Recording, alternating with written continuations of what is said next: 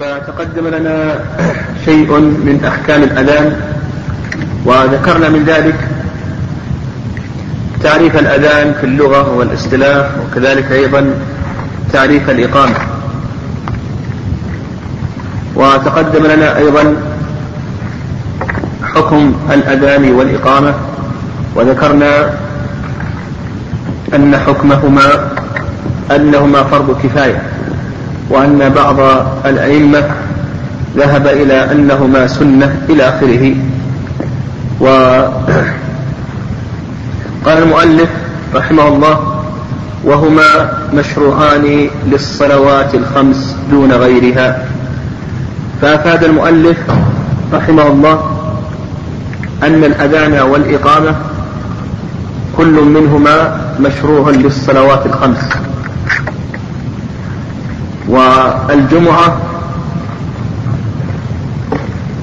يعني الأذان والإقامة مشروعان للصلوات الخمس وكذلك أيضا لصلاة الجمعة. ما عدا هذا لا يشرع لهما أو لا يشرع لها أذان ولا إقامة. فصلاة العيد لا أذان لها ولا إقامة.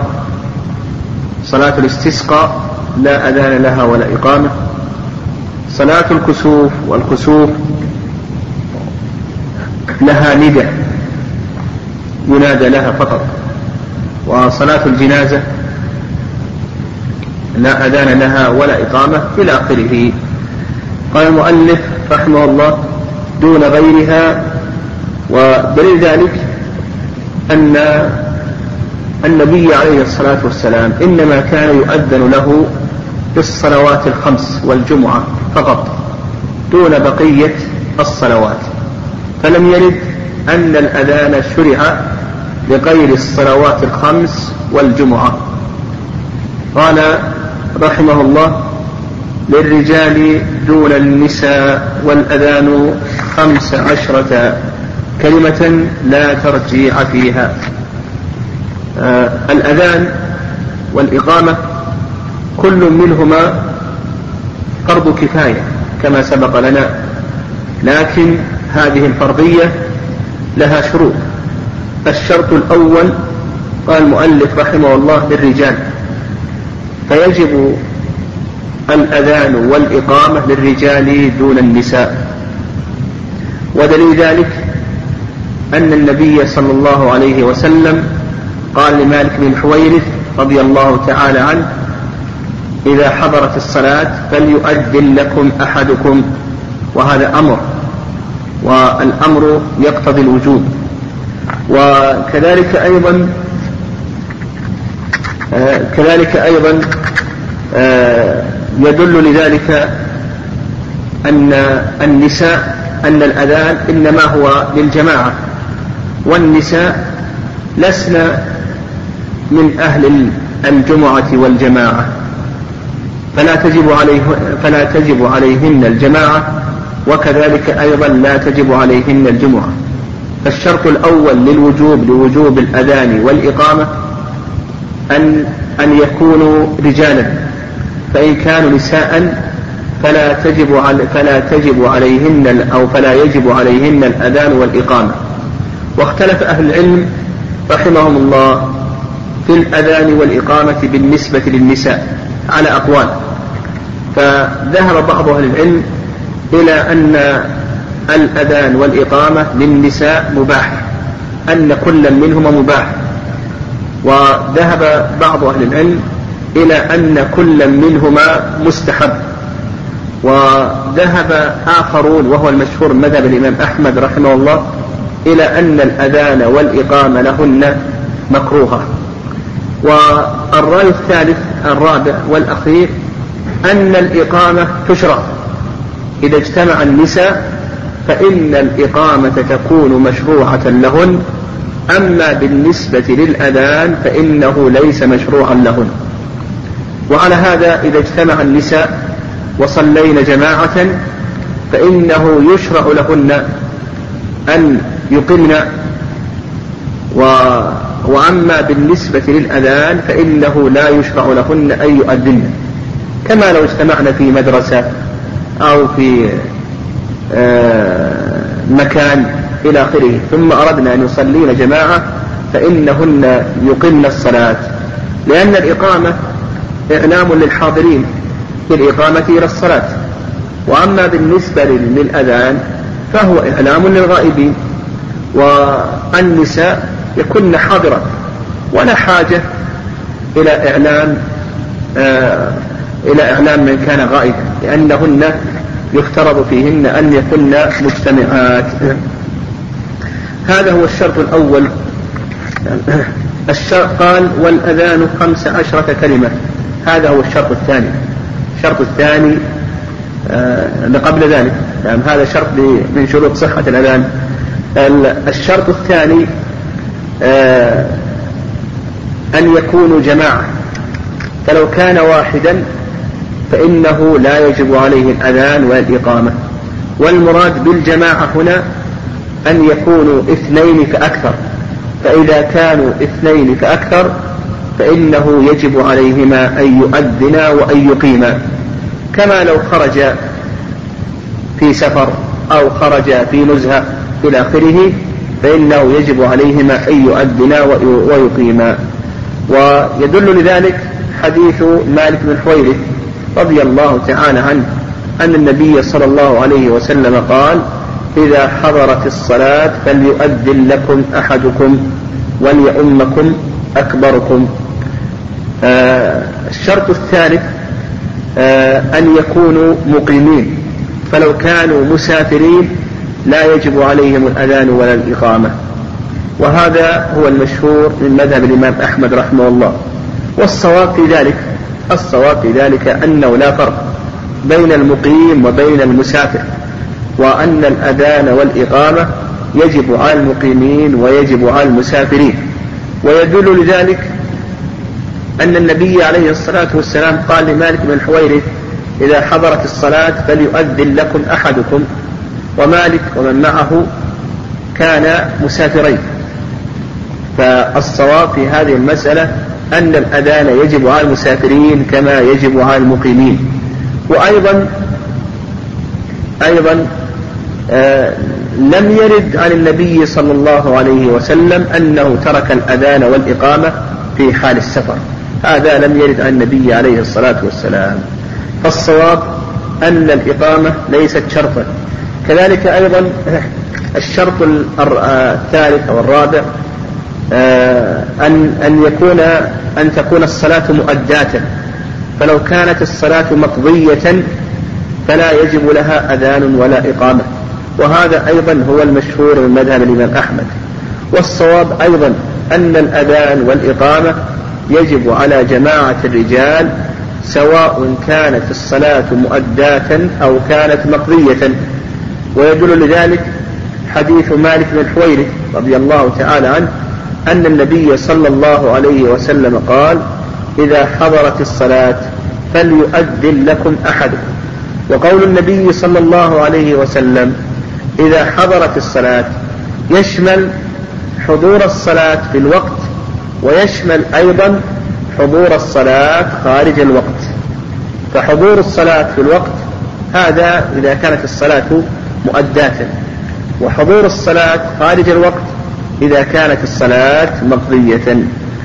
آه، آه، الشرط الخامس أن يكونوا جماعة والمراد بالجماعة كما سلف أن يكون اثنين فأكثر. أما إن كان واحدا فإنه يستحب له أن يؤذن ولا يجب عليه لا يجب عليه أن يؤذن. الشرط السادس أن يكونوا أحرارا. فلو كانوا أرقاء لم تجب لم يجب عليهم الأذان والإقامة. وهذا هو المشهور مذهب الإمام أحمد رحمه الله والصواب في هذه المسألة أيضا أنه لا فرق بين الأحرار والأرقاء لعموم الأدلة. وسبق أن أشرنا إلى قاعدة. سبق أن أشرنا إلى قاعدة وهذه القاعدة أن الأصل في العبادات البدنية المحضة أنه يتساوى فيها الأحرار والأرقة. هذا هو الأصل. إلى دليل الأصل في العبادات البدنية المحضة أنه يتساوى فيها الأحرار والأرقة إلا لدليل. فالصواب أن الأذان والإقامة كل منهما يجب على الأرقة كما يجب على الأحرار وكذلك أيضا جماعة الصلاة آه، تجب على الأرقة كما تجب على الأحرار والجمعة أيضا. وهذه قاعدة. والشرط الأخير أن يكون الأذان والإقامة للصلوات الخمس والجمعة. أما ما عدا ذلك فلا يشرع لها أذان ولا إقامة. قال المؤلف رحمه الله والأذان خمس عشرة جملة. الأذان تقدم لنا الأذان والإقامة تقدم لنا آه، شروط وجوبهما. الآن شرع المؤلف رحمه الله في بيان شروط الصحة شروط صحة الأذان والإقامة. فالشرط الأول من شروط صحة الأذان آه، من شروط صحة الأذان أن يأتي بجمل الأذان الخمس عشرة. خمس عشرة جملة. وقول المؤلف رحمه الله قول المؤلف رحمه الله والأذان خمس عشرة جملة هذا هو أذان بلال. وهذا اختيار الإمام أحمد رحمه الله. فإن الإمام أحمد رحمه الله اختار أذان بلال وإقامة بلال. أذان بلال وإقامة بلال. كما هو المعمول به الآن. الأذان خمس عشرة جملة والإقامة كم؟ إحدى عشرة جملة. فيكبر أربع تكبيرات ثم. ثم يتشهد الشهادتين ثم يتشهد النبي عليه الصلاة والسلام برسالة الشهادتين ثم حي على الصلاة مرتين ثم حي على الفلاح مرتين ثم يكبر مرتين ثم يقول لا إله إلا الله مرة واحدة. والإقامة معروفة إحدى عشرة جملة هذا هو أذان بلال وهذه أيضا إقامة بلال. الإمام أحمد رحمه الله اختار ذلك. وإنما اختار الإمام أحمد رحمه الله أذان بلال وإقامة بلال لأن النبي عليه الصلاة والسلام كان يؤذن له بلال هكذا في المدينة. في المدينة كان يؤذن له بلال. فاختار أذان بلال. الرأي الثاني رأي أبي حنيفة. أبو حنيفة رحمه الله في الأذان اختار أذان بلال. وفي الإقامة اختار إقامة أبي محذورة. في الأذان اختار أذان بلال وهو خمس عشرة جملة وأما في الإقامة فإنه اختار إقامة أبي محذورة. وإقامة أبي محذورة كأذان بلال إلا أنك تضيف على ذلك قد قامت الصلاة مرتين. فكم كم تكون جمل الإقامة؟ سبع عشرة. يعني إقامة أبي محذورة سبع عشرة جملة. هذا مذهب أبي حنيفة رحمه الله. الرأي الثالث الرأي الثالث مذهب الشافعي رحمه الله تعالى. مذهب الشافعي الشافعية آه، ذهبوا إلى أذان أبي محذورة. الشافعي اختار بالنسبة للأذان اختار أذان أبي محذورة. وأما الإقامة فإنه اختار إقامة بلال وكيفية كيفية أذان أبي محذورة؟ أذان أبي محذورة كأذان بلال إلا أن فيه الترجيح. إلا أن فيه الترجيح يعني يرجع الشهادتين ولهذا قال لك المؤلف رحمه الله والأذان خمس عشرة كلمة لا ترجيع فيها. وكيفية الترجيع كيفية الترجيع أن الإنسان أو أن المؤذن يأتي بالشهادتين أولا على بصوت منخفض بحيث يسمع من حوله ثم يرجع بعد ذلك ويرفع بهما صوته. فإذا أذن الله أكبر الله أكبر الله أكبر الله أكبر يأتي بالشهادتين بصوت منخفض بحيث أنه يسمع من حوله.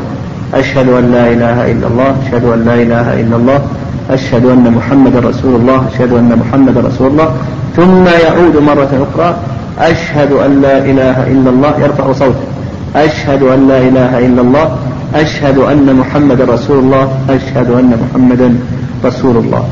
هذا يسمى الترجيع الإمام أحمد رحمه الله لا يأخذ بالترجيع لأن لأنه اختار أذان بلال والشافعي رحمه الله اختار أذان أبي محذورة. وأما الإمام مالك رحمه الله فهو اختار أذان أبي مح أبي آه، أبي محذورة بتثنية آه، التكبير في أوله. وعلى هذا يكون الأذان عنده كم من جملة الإمام مالك؟ سبع عشرة. اختار أذان أبي محذورة بتثنية التكبير في أوله. يعني بدلا من أن يأتي بأربع تكبيرات يأتي بتكبيرتين. وأيضا بالنسبة للإقامة اختار الإمام مالك رحمه الله آه، إفراد قد قامت الصلاة.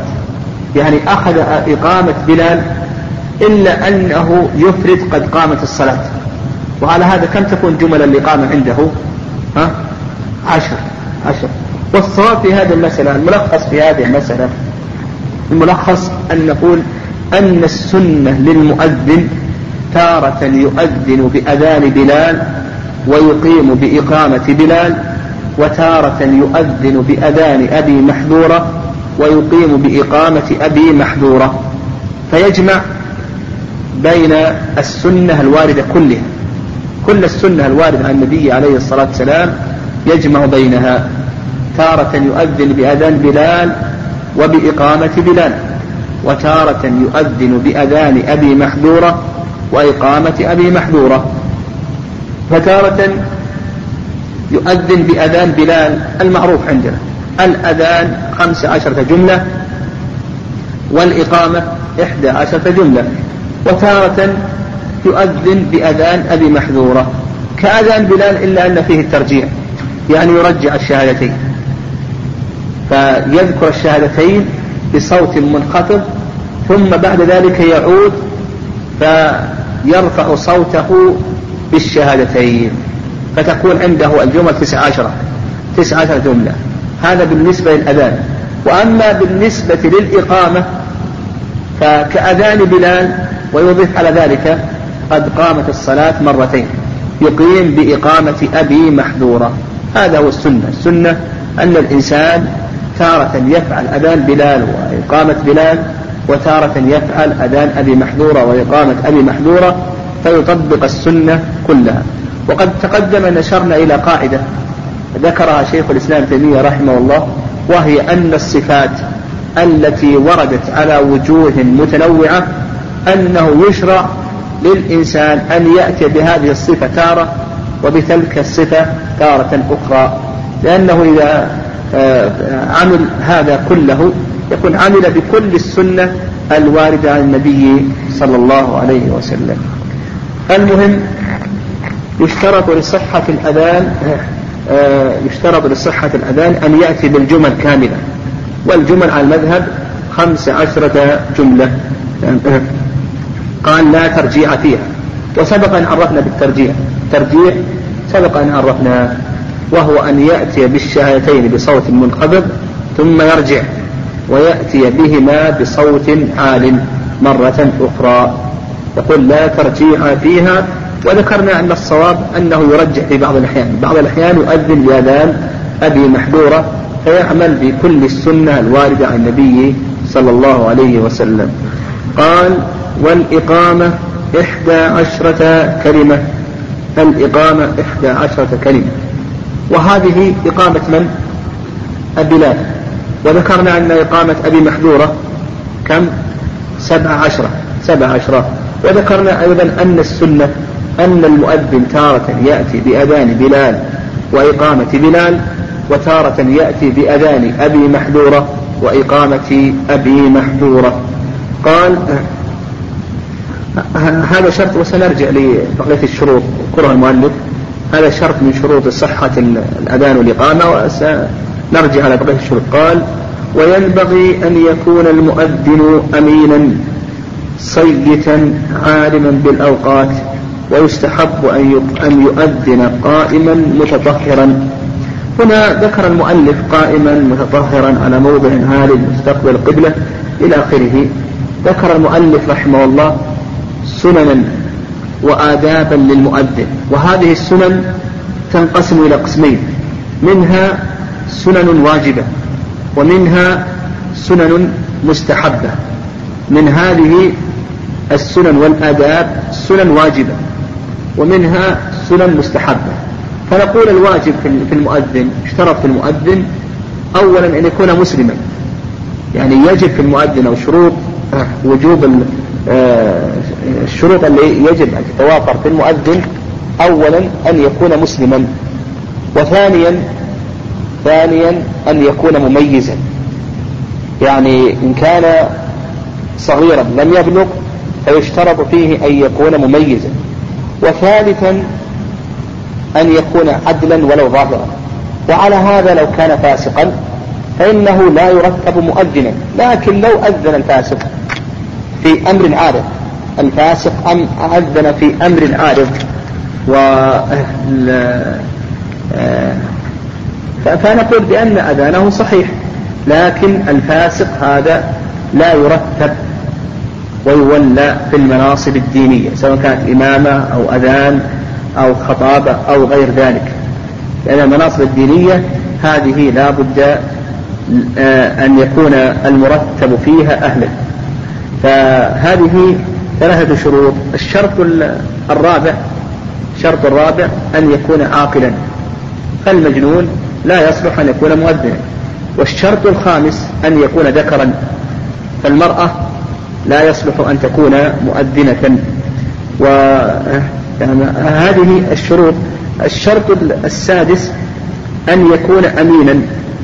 يعني الشرط السادس أن يكون أمينا. ويكون أمين على الأوقات. ويكون أيضا أمين على أورات الناس. ويدل لذلك يدل لذلك قول النبي قول الله عز وجل إن خير من استأجرت القوي الأمين. والشرط السابع السابع أن يكون عارفا بأحكام الأذان والإقامة. يعني ما يجب في الأذان والإقامة يجب أن يكون عارفا بحكمه. وهذا داخل في القوة. فإن الله عز وجل قال إن خير من استأجرت القوي الأمين. فيدخل في القوة يدخل في القوة المعرفة بأحكام الأذان والإقامة. قال وينبغي أن يكون المؤذن أمينا. وظاهر كلام المؤلف رحمه الله في قوله وينبغي أن يكون المؤذن أمينا أن شرط الأمانة سنة وليس واجبا. لكن أو أن صفة الأمانة أن صفة الأمانة سنة وليست واجبة. والصواب أن الأمانة واجبة. شرط واجب لا بد أن يتوفر في المؤذن فإن كان غير أمين على الوقت فلا يجوز أن يولى أو كان غير أمين على عورات الناس فلا يجوز أن يولى. ودليل ذلك كما أسلفنا قول الله عز وجل إن خير من استأجرت القوي الأمين. قال صيتا. يعني هذا هذه الصفة صفة مستحبة. فكلما كان المؤذن كلما كان المؤذن أبلغ في كلما كان المؤذن أكثر صوتا فإنه أولى لأن ذلك أبلغ في, في الإعلام. وأيضا النبي صلى الله عليه وسلم قال لعبد الله بن زيد لما رأى الرؤيا في الأذان قال ألقه على بلال فإنه أندى منك صوتا.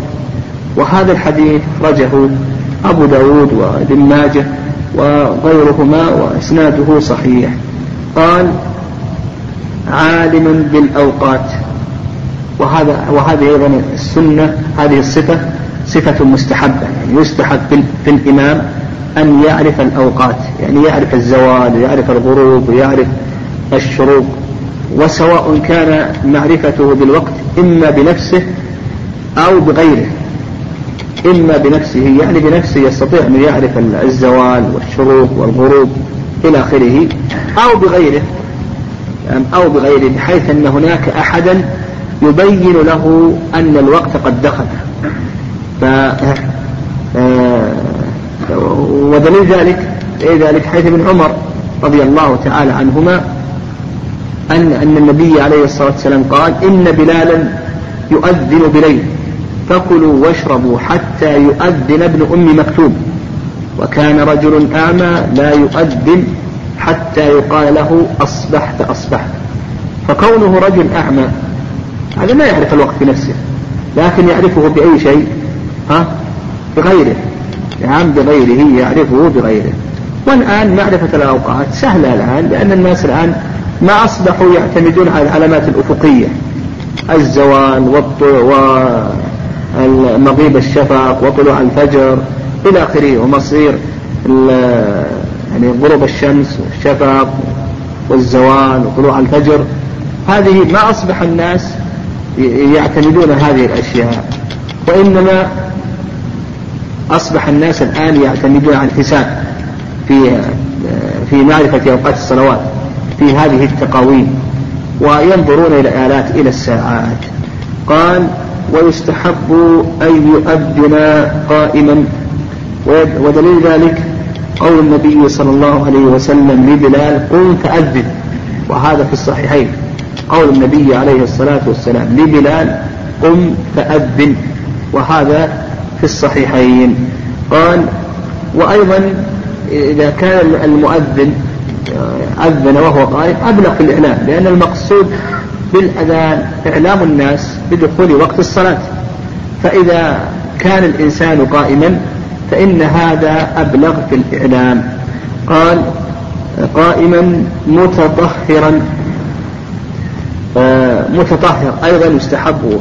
وعلى هذا قبل ذلك لو أذن وهو جالس وش حكم الأذان هنا؟ صحيح وليس صحيحا؟ صحيح لأن قلنا لأن هذه الصفة ليست واجبة وإنما هي مستحبة. قال رحمه الله متطهرا ودليل ذلك حديث المهاجر ابن أنفذ أن النبي صلى الله عليه وسلم قال إني كرهت أن أذكر الله إلا على طهر. إني كرهت أن أذكر الله إلا على طهر. وأيضا في حديث أبي الجهيم ابن السنة أن النبي عليه الصلاة والسلام لما سلم عليه لم يرد النبي عليه الصلاة والسلام السلام حتى أقبل أو حتى أتى الجدار فتيمم على الجدار ثم رد السلام. فرفع النبي عليه الصلاة والسلام الحدث ثم بعد ذلك بعد أن رفع النبي عليه الصلاة والسلام الحدث آه، سلم عليه الصلاة والسلام. فهذا يدل على أنه يستحب الإنسان أن يذكر الله على طهر. والأذان لا شك أنه من ذكر الله عز وجل. قال وهذه أيضا صفة مستحبة مطهرة لأن النبي عليه الصلاة والسلام في حديث عائشة كان يذكر الله على كل أحيانه فقولها يذكر الله على كل أحيانه يدخل في ذلك الذكر وهو على طهارة والذكر وهو على غير طهارة. فلو أذن المؤذن وهو غير متطهر فإن أذانه صحيح. يعني لكن الأفضل والكمال أن يؤذن أن يؤذن وهو متطهر. وحتى لو كان جنبا وأذن فإن أذانه صحيح. لكن قال العلماء رحمهم الله يكره يكره أذان الجنب. قال متطهرا على موضع عام. آه ويدل لذلك أيضا ما ثبت في أبي داود. أن بلالا كان يؤذن على سطح امرأة من بني النجار وكان أعلى بيت قرب المسجد. فاستحب أن يكون أذان الإنسان على علو. والآن مثل هذه المسألة الآن ذهبت يعني غالبا ذهبت لأن ال ال لأن المؤذنين الآن يؤذنون عن طريق هذه السماعات. أو هذه الآلات.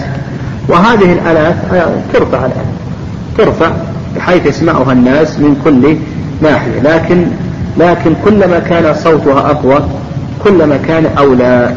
لأن المقصود هو إبلاغ الناس في دخول وقت الصلاة. قال مستقبل القبلة. أيضا هذه سنة. هذا الصفة أيضا. هذه الصفة سنة. يستحب أن يستقبل القبلة.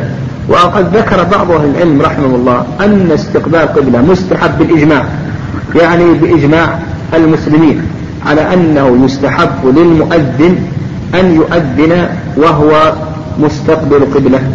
وأيضا آه، يدل إجماع المسلمين على أنه يستحب للمؤذن أن يؤذن وهو مستقبل قبلة.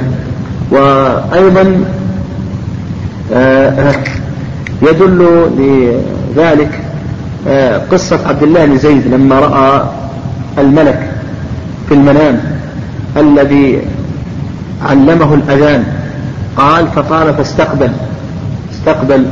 فيدل هذا على مشروعية على مشروعية استقبال القبلة فنقول المؤذن يستقبل القبلة السنة أن يستقبل القبلة وذكرنا في ذلك دليلين. أما الدليل الأول فحديث عبد الله بن زيد وفيه رؤياه للملك لما رأى الملك يؤذن قال قام فاستقبل. لما علمه الأذان قال قل الله أكبر إلى آخره أنه قام فاستقبل. والدليل الثاني الإجماع. فإن الإجماع منعقد على أن السنة للمؤذن أن يستقبل القبلة. وهذه كلها صفات مستحبة إلا أننا ذكرنا أن الأمانة ماذا؟ صفة ماذا؟ واجبة. صفة واجبة. وأيضا كونه عالم بالأوقات هذا صفة مستحبة. يعني ذكرنا أن يكون أمين على الوقت. وإذا كان أمينا فلا بد أن يكون عالما بالوقت.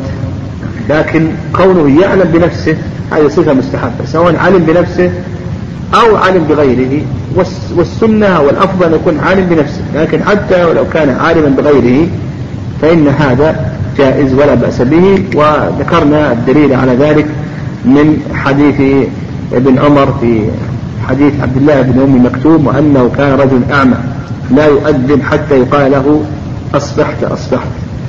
قال فإذا بلغ الحيعلة التفت يمينا وشمالا أيضا. هذه أيضا من الصفات المسنونة في الأذان من الصفات المسنونة في الأذان. إذا بلغ الحيعلة التفت يمينا وشمالا ويدل لذلك حديث أبي جحيفة رضي الله تعالى عنه أنه أتى النبي صلى الله عليه وسلم وهو في قبة حمراء من أدم وأذن بلال.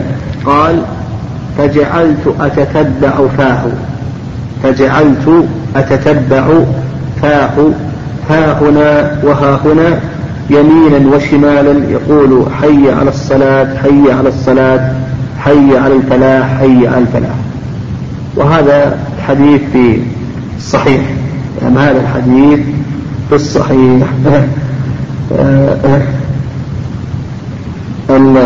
الشاهد يعني قوله فجعلت يتبع فاه يمينا وشمالا. يقول حي على الصلاة حي على الصلاة حي على الفلاح حي على الفلاح. فالسنة للمؤذن أن يلتفت في الحي علتين في حي على الصلاة وفي حي على الفلاح. وقد ذكر العلماء رحمهم الله لكيفية الالتفات ثلاث صفات. ذكروا ثلاث صفات. الصفة الأولى أن يلتفت يمينا لحي على الصلاة ويلتفت شمالا لحي على الفلاح. فلحي على الصلاة يلتفت يمين حي على الصلاة حي على الصلاة. وحي على الفلاح شمالا حي على الفلاح. هذه الصفة الأولى. الصفة الثانية أن يلتفت يمينا لحي على الصلاة. ثم يلتفت شمالا لحي على الصلاة. ويقول حي على الصلاة يمينا ثم حي على الصلاة شمالا. هذه الصفة الثانية. وأيضا حي على الفلاح يلتفت الأولى يمينا والثانية شمالا. فيقول حي على الفلاح ثم يلتفت يمينا حي على الفلاح ثم يلتفت شمالا. هذه الصفة الثانية. الصفة الثالثة الصفة الثالثة أن يلتفت لحي على الصلاة الأولى ولا يعود ثم يكمل الثانية يعني يقول حي على الصلاة حي على الصلاة. ثم يعود ويقول حي على الفلاح حي على الفلاح. هذه الصفة الثالثة فهذه ثلاث صفات بقول أبي جحيفة رضي الله تعالى عنه. فجعلت أتتبع فاه ها هنا وها هنا يمينا وشمالا حي على الصلاة حي على الصلاة حي على الفلاح حي على الفلاح. فهذه ثلاث صفات يعني ثلاث صفات. والآن يعني الآن الآن هل المؤذن الآن يؤذن عن طريق الآلات؟ فهل يشرع له أن يلتفت أو لا يشرع له أن يلتفت الآن الذين يؤذنون هل نقول بأن يشرع لك الالتفات؟ أو نقول بأنه لا يشرع لك الالتفات هذا نقول فيه تفصيل فيه تفصيل.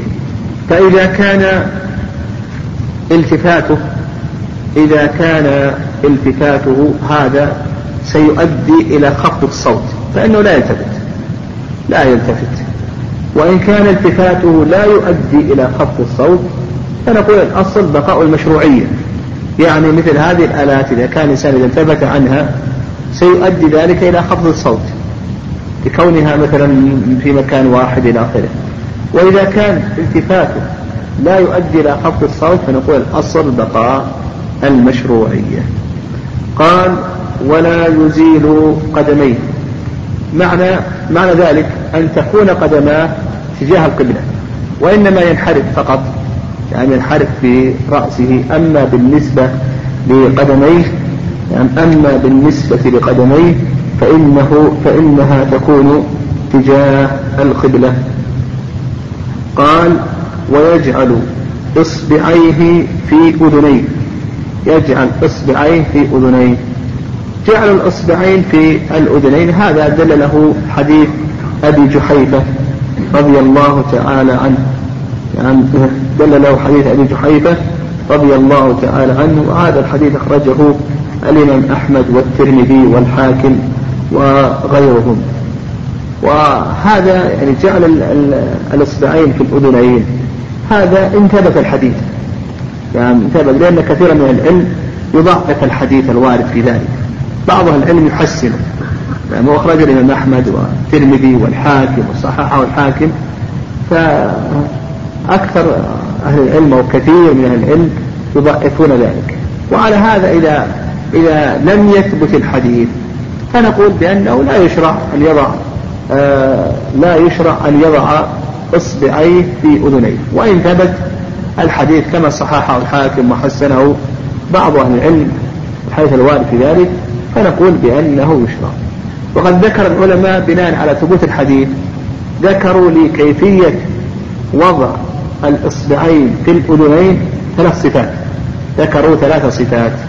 الصفة الأولى الصفة الأولى أن يضع يديه على أذنيه. الصفة الأولى أن يضع يديه على أذنيه. والصفة الثانية أن يضم أصابعه إلى راحتيه ويضع يديه على أذنيه. والصفة الثالثة أن يدخل السبابتين في أذنيه وفي سماق أذنيه ويؤذن. فهذه ثلاث صفات ذكرها أهل العلم رحمهم الله وهذا إذا ثبت الحديث. فإن لم يثبت الحديث فإنه لا يشرع. لا يشرع أن يضع إصبعيه في أذنيه. قال ويترسل في الأذان ويح ويترسل في الأذان ويحجر الإقامة. ودليل ذلك ما رواه أبو داود أن النبي صلى الله عليه وسلم في حديث جابر قال النبي عليه الصلاة والسلام قال لبلال إذا أذنت فترسل وإذا أقمت فاحذر إذا أذنت فترسل وإذا أقمت فاحذر فاحذر فهنا أمر النبي عليه الصلاة والسلام في هذا الحديث أن أمر بلالا أن يحضر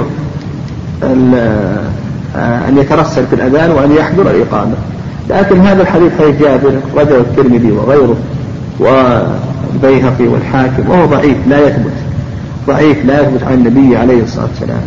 لكن عندنا دليل آخر غير هذا الدليل على أن المشروع في الأذان الترسل عدم الإسراء والدليل على هذا أن الأذان يشرع فيه رفع الصوت وتقدم لنا قول النبي صلى الله عليه وسلم لعبد الله بن زيد ألقه على بلال فإنه أندى منك صوته.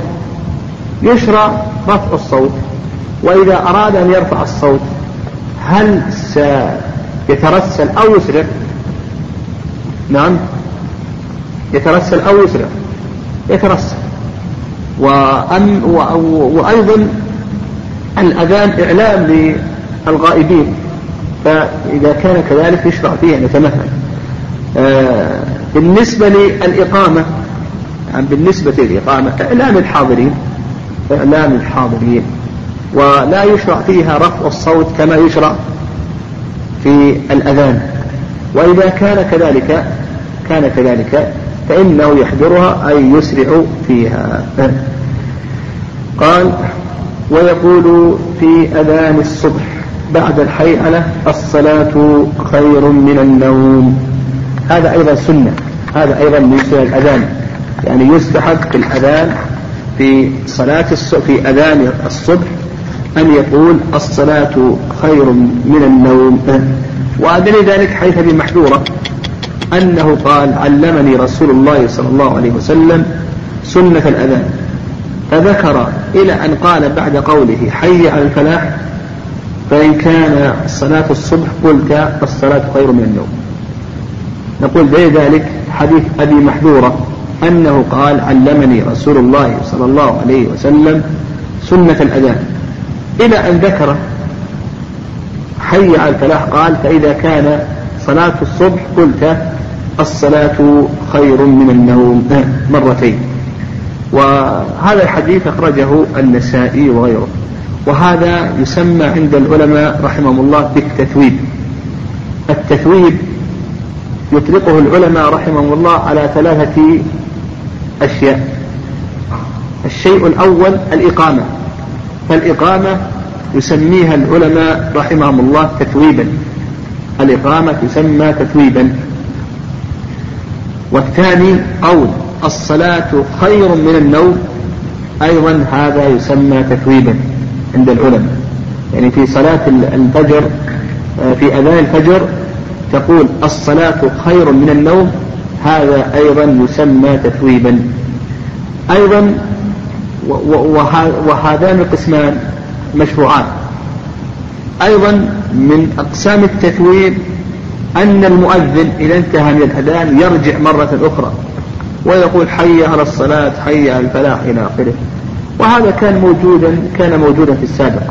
أما الآن ليس موجودا وهذا أيضا يسمى تثويبا لكنه بدعة. هذا بدعة. فأصبح عندنا التثويب المشروع ينقسم إلى ماذا؟ إلى قسمين. القسم الأول أن أنه يراد به الإقامة. والقسم الثاني أن المراد به ماذا؟ أن يقول المؤذن في صلاة الفجر الصلاة خير من النوم مرتين الصلاة خير من النوم مرتين. واختلف أهل العلم رحمه الله في التثويب يعني في قول الصلاة خير من النوم. اختلفوا هل يقال في الأذان الأول أو يقال في الأذان الثاني؟ فأكثر أهل العلم رحمهم الله على أنه يقال في الأذان الأول آه، في الأذان الثاني. في الأذان الثاني يعني أن تثويب بقول الصلاة خير من النوم أنه يقال في الأذان الثاني. هذا ما عليه أكثر أهل العلم. واستدلوا على ذلك بحديث نعيم ابن النحام وأيضا حديث أنس إلى آخره؟ آه والرأي الثاني رأي أبي حنيفة رحمه الله وأنه يقال في الأذان الأول. واستدل على ذلك بحديث ابن عمر. كان في الأذان الأول بعد بعد الفلاح الصلاة خير من النوم.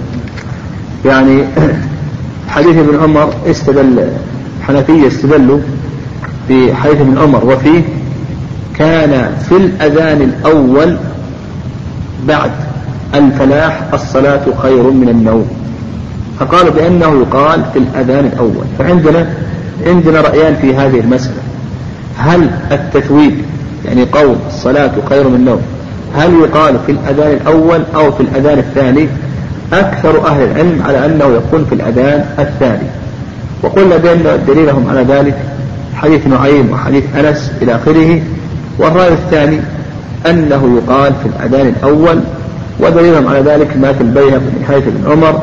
قال كان في الأذان كان يقال في الأذان الأول بعد الفلاح الصلاة خير من النوم. نعم. والصواب في ذلك في هذه المسألة الصواب في هذه المسألة ما عليه أكثر أهل العلم. الصواب في هذه المسألة ما عليه أكثر أهل العلم رحمهم الله تعالى. وأن التثويب بقول الصلاة خير من النوم إنما يكون في الأذان الثاني. وأما ما ورد في حديث عمر رضي الله تعالى عنهما كان في الأذان الأول بعد الفلاح الصلاة خير من النوم فأن المراد بالأذان الأول هنا هو الأذان الثاني لكن سمي بالأذان الأول نظرا لأي شيء؟ الإقامة. نعم نظرا للإقامة. فإن الإقامة تسمى أذانا الإقامة تسمى أذانا.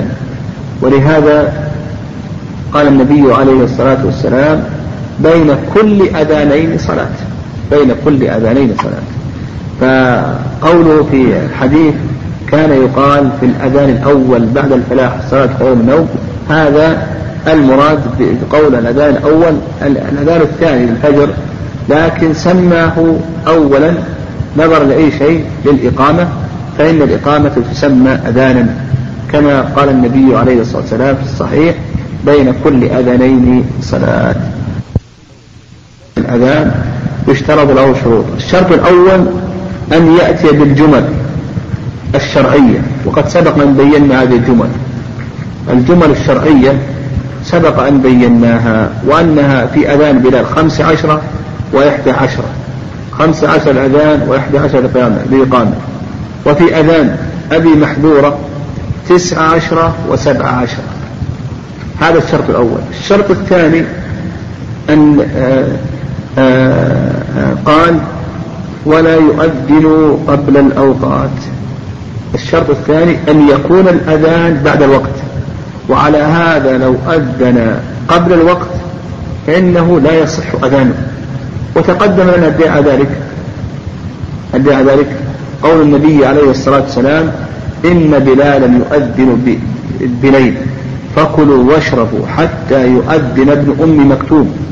وكان رجل أعمى لا يؤذن حتى يقال له أصبحت أصبحت.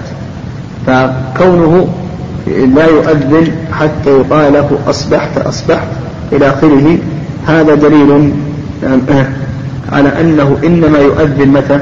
ها؟ يؤذن بعد الوقت. نعم يؤذن بعد الوقت. واعلم اعلم أن الأذان ينقسم إلى قسمين.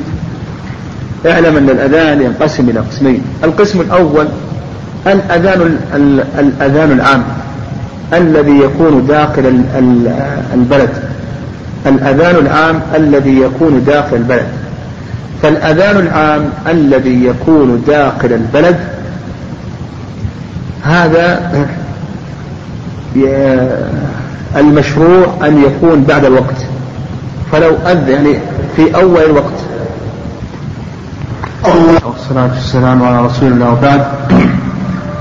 آه، قلنا الأذان ينقسم إلى قسمين. القسم الأول أن يكون عاما. فهذا يكون في أول الوقت. لأن تأخيره عن أول الوقت هذا يلبس على الناس وعلى أهل البيوت من النساء والمرضى على من أراد الصيام إلى آخره. ولهذا كان مؤذنو رسول الله صلى الله عليه وسلم يؤذنون في أول وقت. تقدم أن ابن أم مكتوم رضي الله تعالى عنه كان يؤذن وكان لا يؤذن حتى يقال له أصبحت أصبحت. يعني دخلت في الصباح. آه، و القسم الثاني أن يكون الأذان خاصا. بمعنى أن يكون الأذان لجماعة خاصة. أن يكون الأذان لجماعة خاصة ليس عاما. كما لو خرج أناس في نزهة أو خرجوا في سفر أو مثلا كانوا في محل آه، المؤمن الخاص بهم. فهذا الأذان يكون تابعا للصلاة. فإذا شرع تأخير الصلاة فإنه يشرع تأخير الأذان. يقول الأذان يكون تابعا للصلاة فإذا شرع تأخير الصلاة فإنه يشرع تأخير الأذان وسيأتينا إن شاء الله في الدرس القادم أنه يشرع تأخير الصلاة في حالتين. الحالة الأولى الظهر في شدة الحر يشرع تأخيرها حتى يبرد الوقت. والحالة الثانية العشاء الآخرة يشرع تأخيرها. فإذا شرع لهم أن يؤخروا الصلاة. أيضا نقول أخروا الأذان تبعا للصلاة. ويدل ذلك حديث أبي ذر أن النبي عليه الصلاة والسلام جاءه المؤذن فقال أبرد. فجاءه فقال أبرد. فجاءه فقال أبرد. أمر بالإبراد. قال حتى رأينا في التلول وفي لفظ حتى ساوى آه، تل الظل وظل التل. فعلى هذا يكون الأذان ينقسم إلى هذين إلى هذين القسمين. قال ولا يؤذن قبل وقت. هذا هو الشرط الثاني. الشرط الثالث الترتيب. فلا بد أن يأتي بجمل الأذان مرتبة كما ورد في السنة وقد سبق أن أشرنا إلى قاعدة. أن كل عبادة مركبة من أجزاء فإنه لا بد فيها من أمرين. الأمر الأول الترتيب بين هذه الأجزاء والأمر الثاني ماذا؟ الموالاة. وإلا لم تكن كما جاء عن النبي صلى الله عليه وسلم. فلا بد من الترتيب.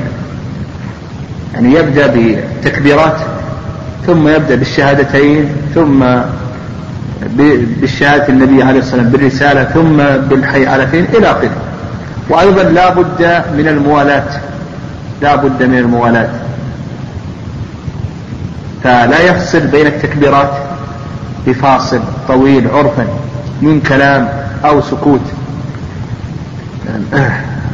أو بفاصل آه، محرم من كلام أو فعل ونحو ذلك. هذا هو الشرط الرابع الموالاة. الشرط الخامس أن أن يكون من واحد أن يكون كل من الأذان والإقامة من واحد. وعلى هذا لو أذن شخص وكمله آخر فلا يصح. وكذلك أيضا الإقامة. لو أقام شخص وكمله آخر أو شرع في الإقامة ثم كمله آخر فإن هذا لا يصح. الشرط السادس النية.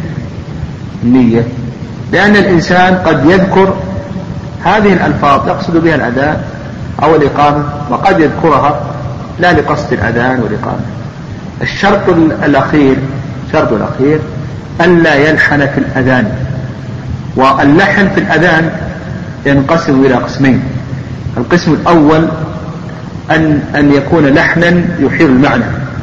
أن يكون اللحن يحيل المعنى. فهذا ما يصح الأذان يعني إذا أحال لحنا يحيل المعنى فإنه لا يصح الأذان مثل لو قال الله أكبر أو قال آه الله أكبر آه الله أكبر أو قال الله إكبار ونحو ذلك من الألفاظ.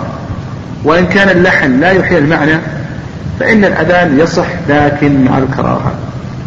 قال في قول رسول الله صلى الله عليه وسلم إن بلالا يؤذن بليل فكلوا واشربوا حتى يؤذن ابن أم مكتوم. الأذان الأول تقدم لنا أو قول النبي عليه الصلاة والسلام إن بلالا يؤذن بليل. هذا فيه دليل على مشروعية ما يسمى بالأذان الأول. فحديث ابن عمر إن بلال يؤذن بليل فكلوا واشربوا حتى يؤذن ابن أم مكتوم. هذا فيه دليل على مشروعية ما يسمى بالأذان الأول. لكن اختلف أهل العلم رحمه الله في الأذان الأول هذا هل هو مشروع في رمضان خاصة أو أنه مشروع طول العام؟ على رأيين فقال بعض أهل العلم بأنه مشروع في رمضان خاصة لأن النبي عليه الصلاة والسلام قال إن بلالا يؤذن بليل فكلوا واشربوا. كلوا واشربوا حتى يؤذن ابن أم, أم مكتوم. والرأي الثاني أنه مشروع طول العام. أما هذا القول هو الأقرب. لأن لأن الصيام هذا ليس خاصا في رمضان. وأيضا قول النبي عليه الصلاة والسلام في بيان حكمة آه إن بلال يؤذن بليل ليوقظ نائمكم ويرجع قائمكم. وهذا في كل العام النائم الذي لم يوتر يوقظه أذان بلال لكي يوتر. والقائم الذي يصلي يرجعه أذان بلال عن صلاته لكي يتسحر إن أراد إن أراد الصيام. هذه هي الحكمة. فالصواب في ذلك أن نقول إن الأذان الأول مشروع طول العام.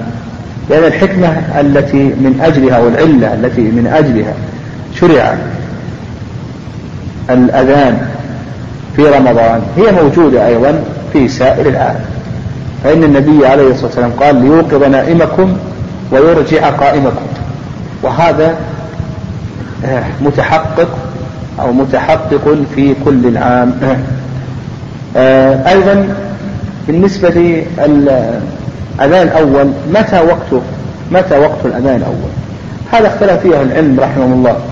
اختلف العلماء رحمه الله في تحديد وقته. والصواب ذلك أن أن يكون وقته أو أن يكون بين الأذان الأول وبين الأذان الثاني أو بين الأذان الأول وبين طلوع الفجر ما تتحقق به الحكمة التي من أجلها شرع هذا الأذان. وهو مقدار ماذا؟ مقدار أن يتسحر الصائم ويوتر النائم.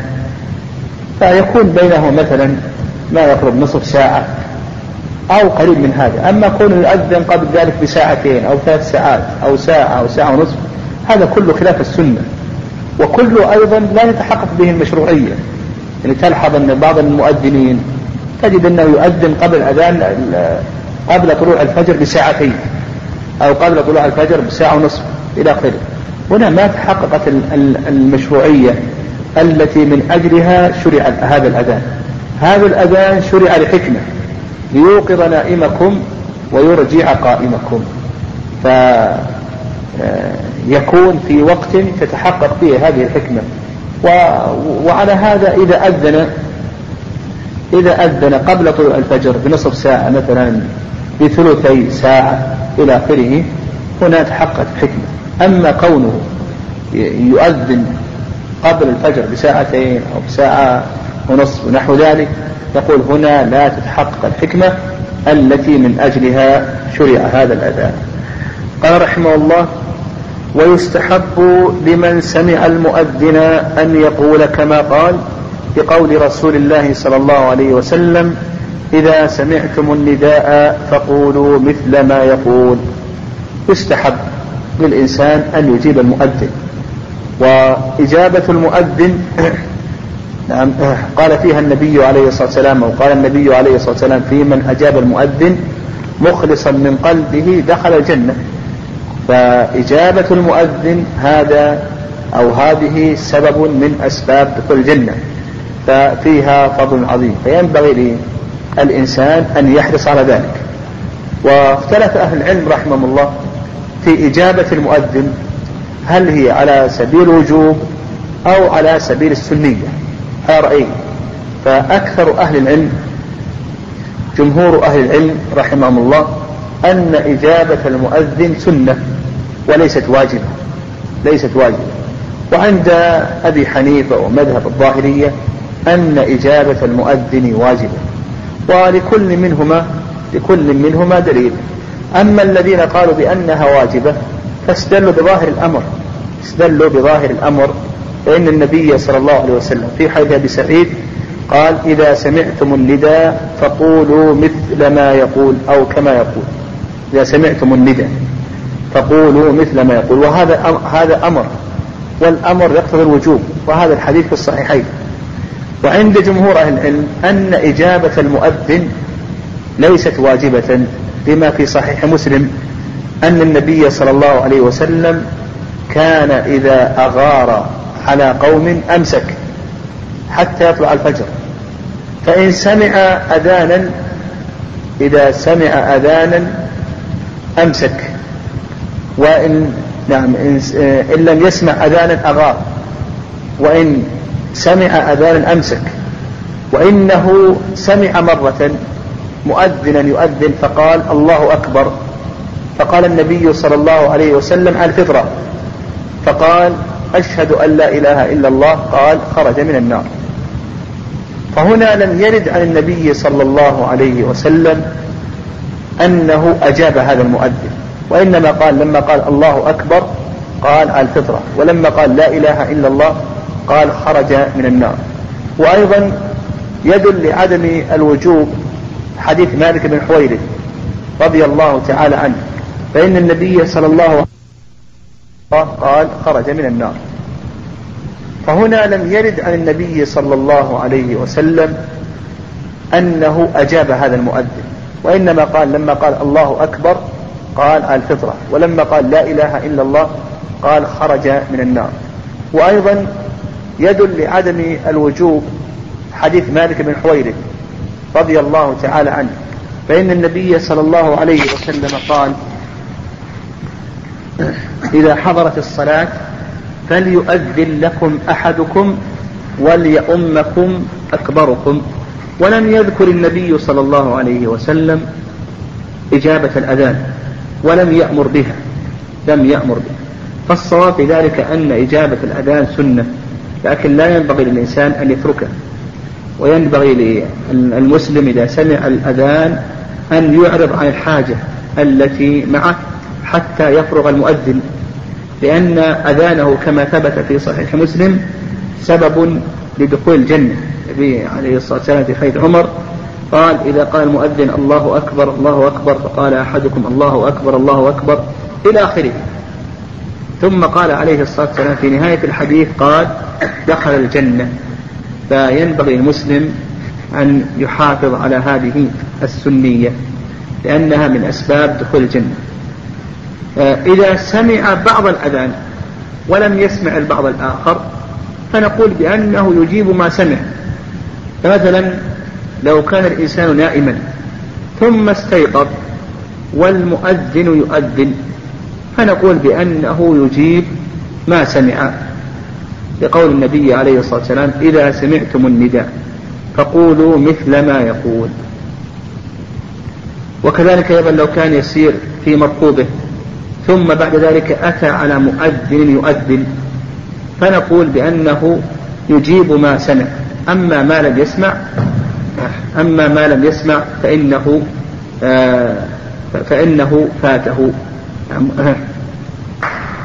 كذلك أيضا إذا أجاب المؤذن ثم سمع مؤذنا آخر هل يجيبه أو لا يجيبه قال شيخ الإسلام تيمية رحمه الله يجيب مؤذنا ثانيا وثالثا إلى آخره لأن هذا ذكر هذا ذكر.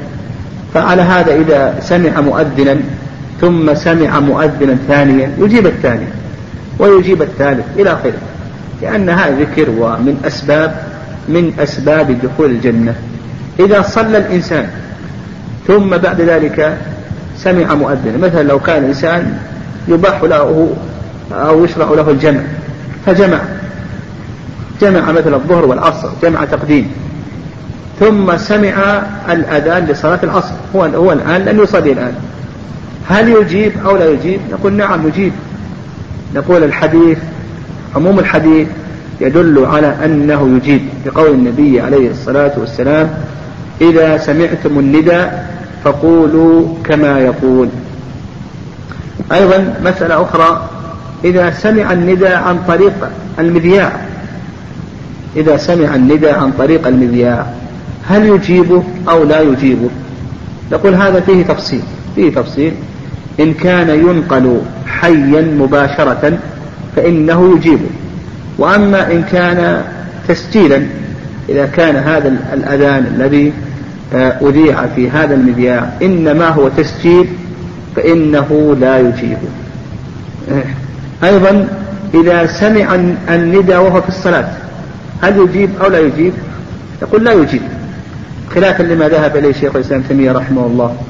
فإن شيخ الإسلام ابن تيمية رحمه الله يقول يجيب المؤذن حتى, حتى ولو كان في الصلاة.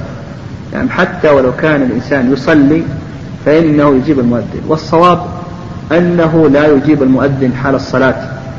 لقول النبي عليه الصلاة والسلام إن في الصلاة لشغلا ولا شك أن الإنسان إذا كان يصلي فإنه مشغول بصلاته بالتكبير وتكبير تكبيرة الصلاة والتسبيح والذكر إلى آخره. فنقول بأنه لا يشرع له أن يجيب المؤذن في الصلاة بقول النبي عليه الصلاة والسلام إن في الصلاة إن في الصلاة لشغلا. وكذلك أيضا لو سمع المؤذن وهو في بيت الخلق يقضي حاجته فإنه لا يجيب فإنه لا يجيب حتى يخرج حتى يخرج من بيت الخلاء. أما لو سمعه وهو يتوضأ خارج بيت الخلاء فإنه يجيب لعموم لعموم الحديث.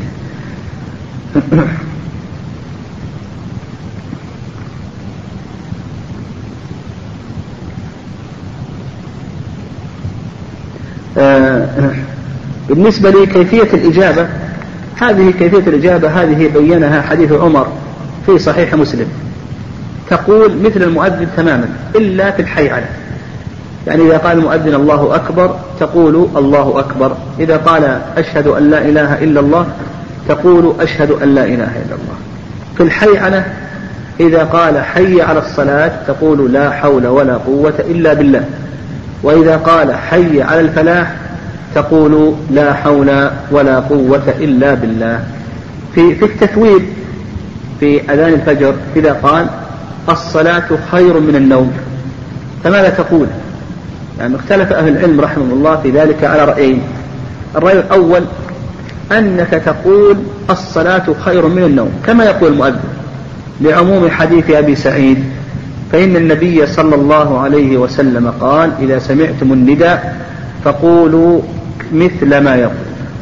وعلى هذا إذا قال في أذان الفجر الصلاة خير من النوم تقول الصلاة خير من النوم. وهذا القول هو الصواب. خلافا لما ذكره بعض أهل العلم من أنه إذا قال الصلاة خير من النوم تقول صدقت وبررت صدقت وبررت وبالحق نطقت إلى آخره. هذا ليس عليه دليل. فالصواب في هذه المسألة أن أن المؤذن إذا قال الصلاة خير من النوم فإنك تقول مثله تماما الصلاة خير من النوم. بقينا في الإقامة. إذا أقام المقيم هل تجيب المقيم أو لا تجيب المقيم؟ آه، ورد حديث في ذلك في سنن أبي داود وهذا الحديث ضعيف. آه، ورد في حديث في إجابة المقيم وهذا الحديث ضعيف. لو ثبت لكان فاصلا في النزاع بين أهل العلم رحمهم الله. لكن هذا الحديث لم يثبت عن النبي صلى الله عليه وسلم. وعلى هذا نقول الأمر واسع لأن بعض أهل العلم قال يسن أن يجاب المقيم لأن الإقامة ندى وتقدم لنا قول النبي عليه الصلاة والسلام بين كل أذنين صلاة. و فدل ذلك على أن الإقامة أذان. وقد قال النبي عليه الصلاة والسلام إذا سمعتم النداء فقولوا مثل ما يقول. وبعض أهل العلم قال بأنه لا يجيب لأن المقصود بقول النبي عليه الصلاة والسلام إذا سمعتم النداء النداء المعهود الذي هو الأذان. آه والحديث الوارد في ذلك يعني كما تقدم لنا آه ضعيف حديث في أبي داود الذي هو نص في إجابة المقيم. وعلى هذا نقول الأمر في ذلك واسع. فلو أن أحدا أجاب المقيم فلا بأس ما ينكر عليه.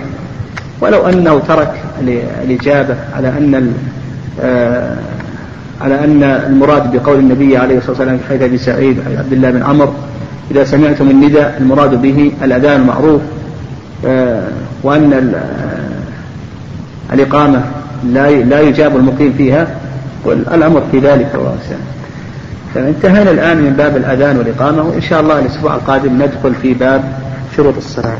قبل أن ننتهي نستعرض الأسئلة الواردة. آه، يقول الأخ السائل إذا أذن المؤذن بأذان أبي محذورة ألا يخشى أن يلبس العامة؟ لأن المعروف أذان بلال. يعني نقول هنا إذا بين للناس يعني هو صحيح قد يكون هناك تلبيس في أول الأمر لكن إذا بين الإنسان للناس أن هذا سنة وأنه وارد عن النبي عليه الصلاة والسلام وأنه يشرع للإنسان أن يعمل بالسنة كلها فإن هذا المحذور يزول والناس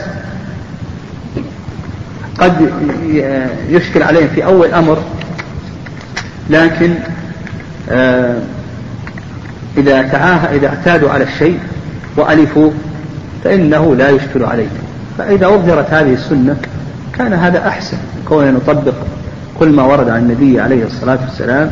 هذا نقول بأنه أحسن لأنه من حفظ العلم ولما في ذلك من العمل بالسنة كلها ولما في ذلك أيضا من حضور القلب إلى آخره. يقول هل ورد من جمل الأذان حي على خير العمل؟ وهل الأذان الأول لجمعة سنة أم لا؟ نقول نعم.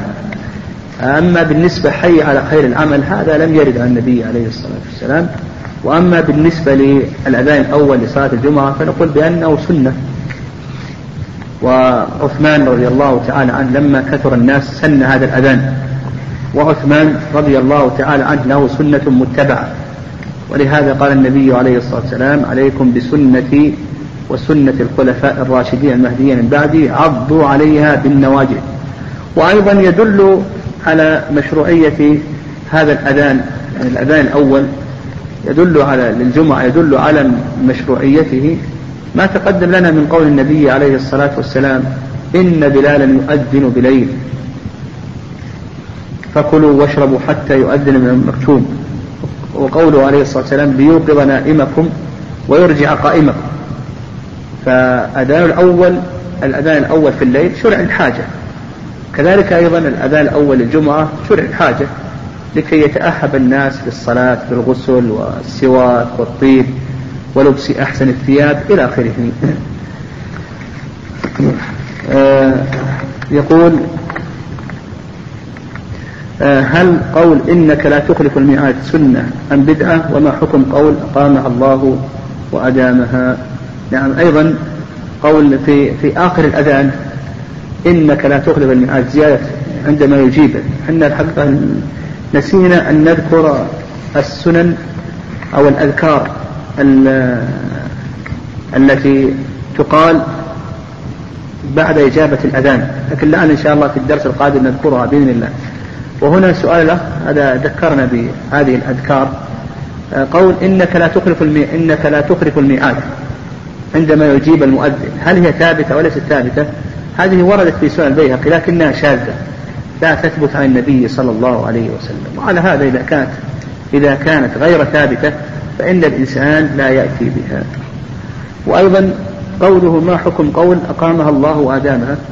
قلنا هذا أشرنا إليه في الحديث أن إجابة المقيم ورد فيها حديث في أبي داود إنه لما قال الله أكبر قال الله أكبر أشهد أن لا إله إلا الله أشهد أن لا إله إلا الله. ثم لما قال قد قامت الصلاة قال أقامها الله وأدامها.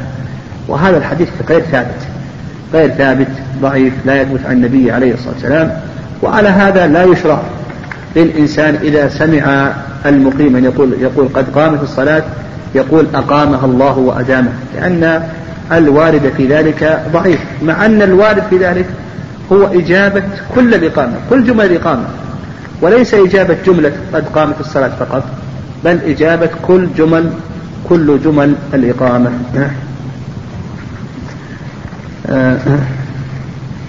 يقول هل يشرع الأذان على الراحلة إلى آخره؟ يقول لا بأس لأن آه، الأذان على علو السنة أن يكون على علو سواء كان على الراحلة أو غيرها.